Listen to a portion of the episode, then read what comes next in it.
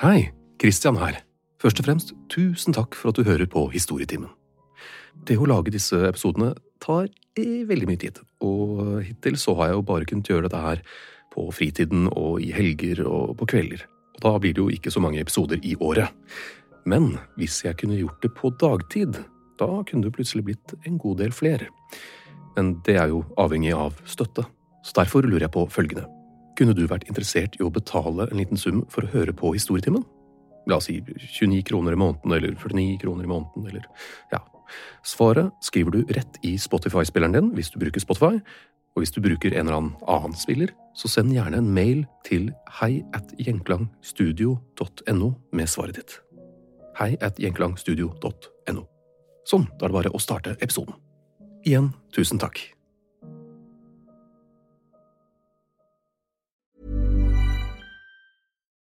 Millions of people have lost weight with personalized plans from Noom, like Evan, who can't stand salads and still lost 50 pounds.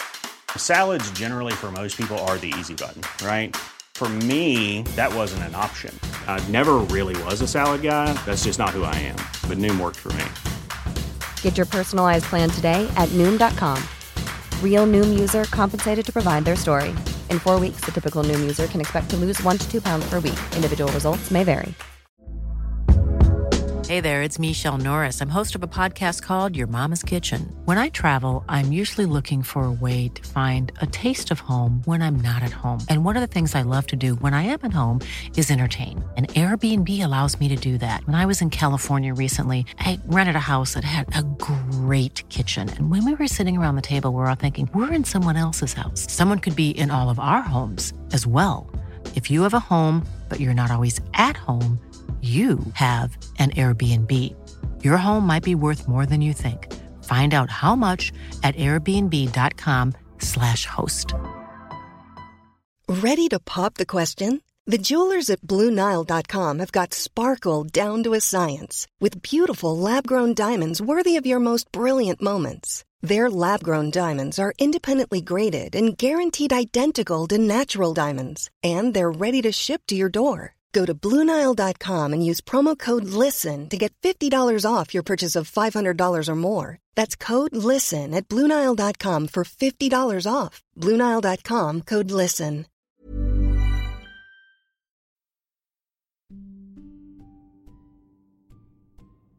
Det vakre huset lå perfekt plassert på toppen av høyden, med utsikt over jordene og skogen rundt.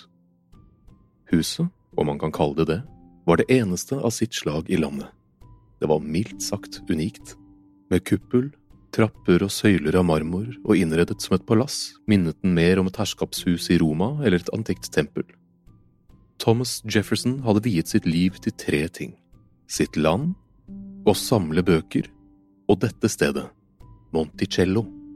Alle pengene og ressursene han hadde tilgjengelig, hadde gått med på å bygge dette stedet. Og selv om det ikke var helt ferdig, det var jo alltid noe som kunne forbedres, så tenkte han at nå, nå begynner kanskje ting å snu til det bedre for meg. Den tidligere presidenten druknet i gjeld, mye på grunn av Monticello, men ved inngangen til 1816 hadde han begynt å se mer positivt på fremtiden.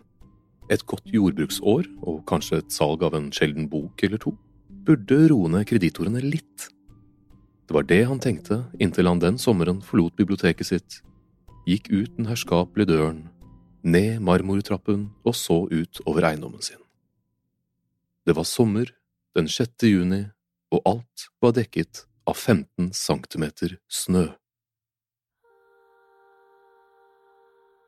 Global oppvarming og menneskeskapte klimaendringer har vært det store temaet de siste årene.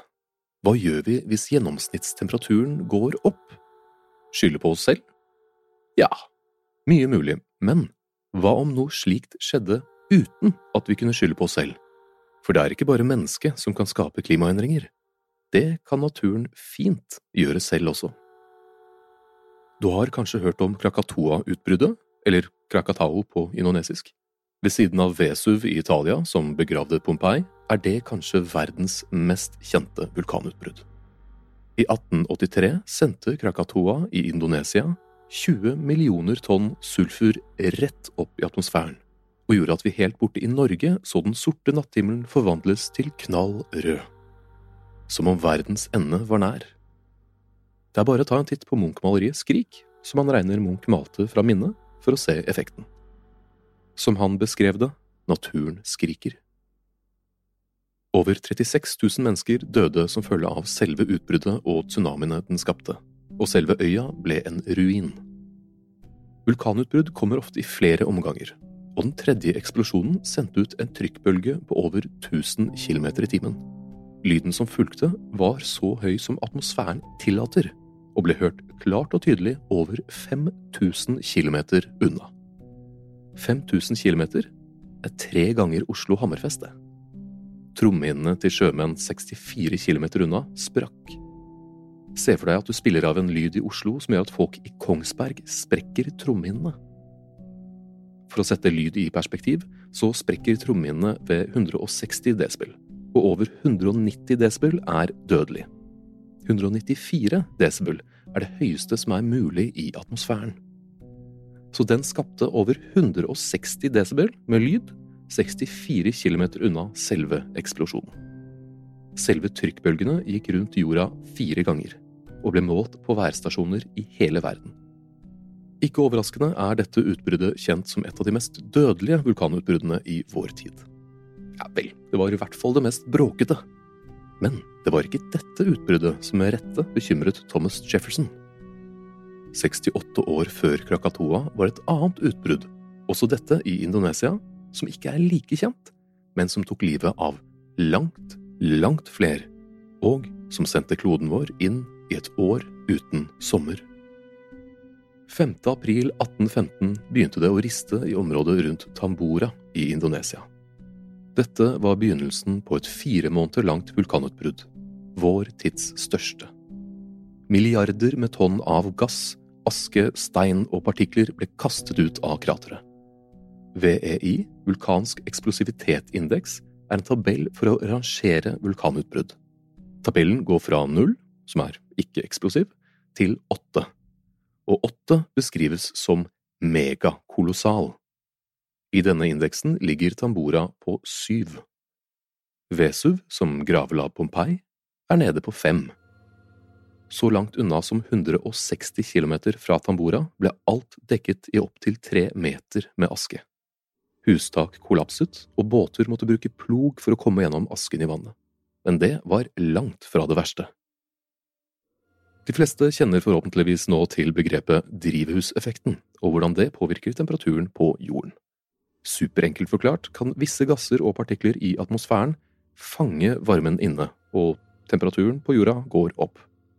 Et vulkanutbrudd kan på en måte gjøre det motsatte. Først og fremst kan partiklene fra utbruddet lage et slags skjold oppe i atmosfæren som reflekterer sollyset tilbake. Det pleier som regel ikke å være så altfor lenge. Men så kommer vi til sulfurdioksiden. Sulfurdioksid er også med i utbruddet, og forvandles til sulfursyre i kontakt med vanndamp.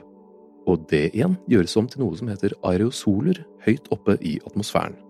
Dette blir jo litt teknisk, men som partiklene fra utbruddet reflekterer også disse sollyset, men til forskjell fra partiklene kan aerosolene være der oppe i mange år. Det endte med at verdens gjennomsnittstemperatur i de årene sank med tre grader. Dette kalles også en vulkansk vinter.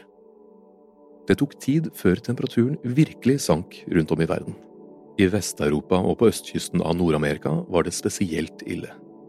Samme dag som det falt 15 cm snø hos Thomas Jefferson, skrev klokkemakeren Chancy Jerome at han gikk til jobb pakket inn i tunge ullklær og med votter. Is la seg på elver og innsjøer, frosne fugler falt fra himmelen, folk tok til å spise brennesle for å få næring, og bønder som hadde klippet ullen av sauene sine, forsøkte i desperasjon å feste den tilbake på de stakkars dyrene, så de ikke skulle fryse i hjel. Og dette her var på sommeren. Ekstremværet førte til stormer, sterk vind, hagl, lynnedslag, og så plutselig ble det varmt og tørt igjen. Altfor tørt, før det plutselig gikk tilbake til minusgrader igjen. Og det var visst ikke nok at avlinger feilet på grunn av ja, frost, tørke og mangel på sollys, men sykdom skulle visst også herje den allerede slitne befolkningen. For om det ikke var nok at folk måtte slite med hungersnød, måtte de samtidig takle en tyfusepidemi. For mange ble dette rett og slett et år uten mat Ordentlig mat, i hvert fall. På østkysten av USA ble brennesle og pinnsvin det man kunne håpe på å se på et middagsbord. Og i Europa det var ikke mange årene siden to vulkanutbrudd på Island rett før den franske revolusjonen hadde ødelagt avlinger og drept husdyr i over syv år på det europeiske kontinentet. Greit nok at man på denne tiden måtte regne med noen uår i ny og ne, men ikke i nærheten av dette. Det er som at bilen du sitter i først blir påkjørt av en trailer, før den rett etterpå får en Boeing 747 dundrende inn i siden. Også i Asia var det jo selvsagt store problemer. Det var tross alt der utbruddet fant sted, så de hadde jo det langt fra optimalt. Som i Europa gikk matproduksjonen dukken, og i Kina begynte mange bønder nå i stedet å dyrke den mer hardføre planten valmuen. Valmuen er planten vi får opium fra, noe som skulle få ganske forferdelige konsekvenser ikke mange år senere som man for øvrig kan høre om i episoden The Great Binge. Akkurat hvor mange som døde på grunn av utbruddet, er umulig å si. Rett og slett på grunn av den komplekse dominoeffekten av det hele. Men til dags dato vet vi at det med stor sikkerhet er den overlegent mest dødelige naturkatastrofen som har skjedd menneskeheten. Hvis man kan prøve å se noe positivt i all lidelsen, så er det et par lyspunkter. På grunn av de skyhøye matprisene hadde ikke folk råd til å holde hester, datidens hovedtransportmiddel. Dette er ikke akkurat et lyspunkt i seg selv, jeg er helt enig med det, men det fikk tyskeren Carl Dreis til å pønske på alternativer. Og resultatet var oppfinnelsen av sykkelen. Eller en tidlig Fred Flintstones variant av sykkelen, i hvert fall. I litteraturens verden var det også viktige bidrag. Mary Shelley, hennes mann Percy Shelley og poeten lord Byron var på ferie sammen i Sveits sommeren 1816. For en trio, men litt dårlig timing å dra på ferie. Den ferien skulle allikevel vise seg å være svært så produktiv for vennegjengen, da de på grunn av været endte med å holde seg innendørs mesteparten av tiden.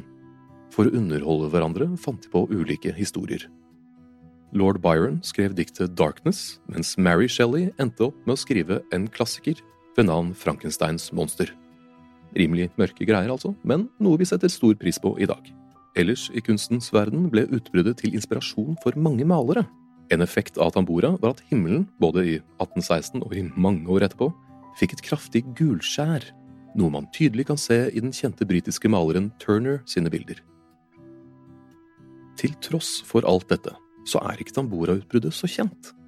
Grunnen til at den høylytte vulkanen Krakatoa er mer kjent enn Tambora, handler rett og slett om teknologisk framgang.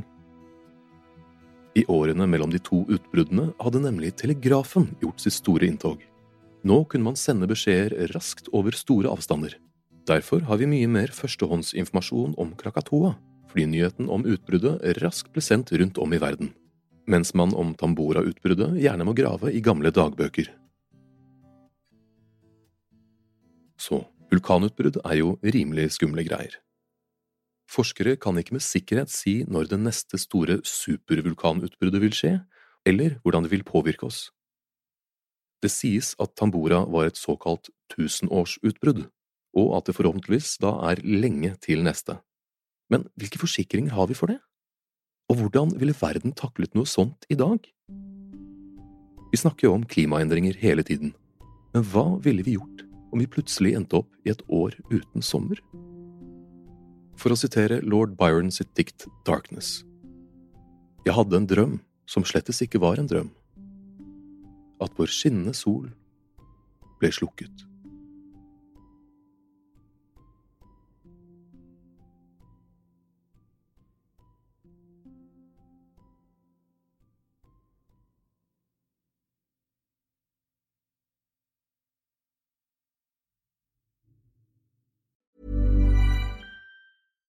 Deserves the best, and there's no better place to shop for Mother's Day than Whole Foods Market. They're your destination for unbeatable savings, from premium gifts to show-stopping flowers and irresistible desserts. Start by saving 33% with Prime on all body care and candles. Then get a 15-stem bunch of tulips for just $9.99 each with Prime. Round out Mom's menu with festive rosé, irresistible berry chantilly cake, and more special treats. Come celebrate Mother's Day at Whole Foods Market. Hi, I'm Daniel, founder of Pretty Litter. Did you know cats tend to hide symptoms of sickness and pain? I learned this the hard way after losing my cat, Gingy. So I created Pretty Litter, a health monitoring litter that helps detect early signs of illness by changing colors, saving you money and potentially your cat's life. Pretty Litter is veterinarian developed, and it's the easiest way to keep tabs on your fur baby's health right at home. Go to prettylitter.com and use code ACAST for 20% off your first order and a free cat toy. Terms and conditions apply. See site for details.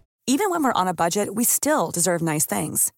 Quince is a place to scoop up stunning high end goods for 50 to 80% less than similar brands.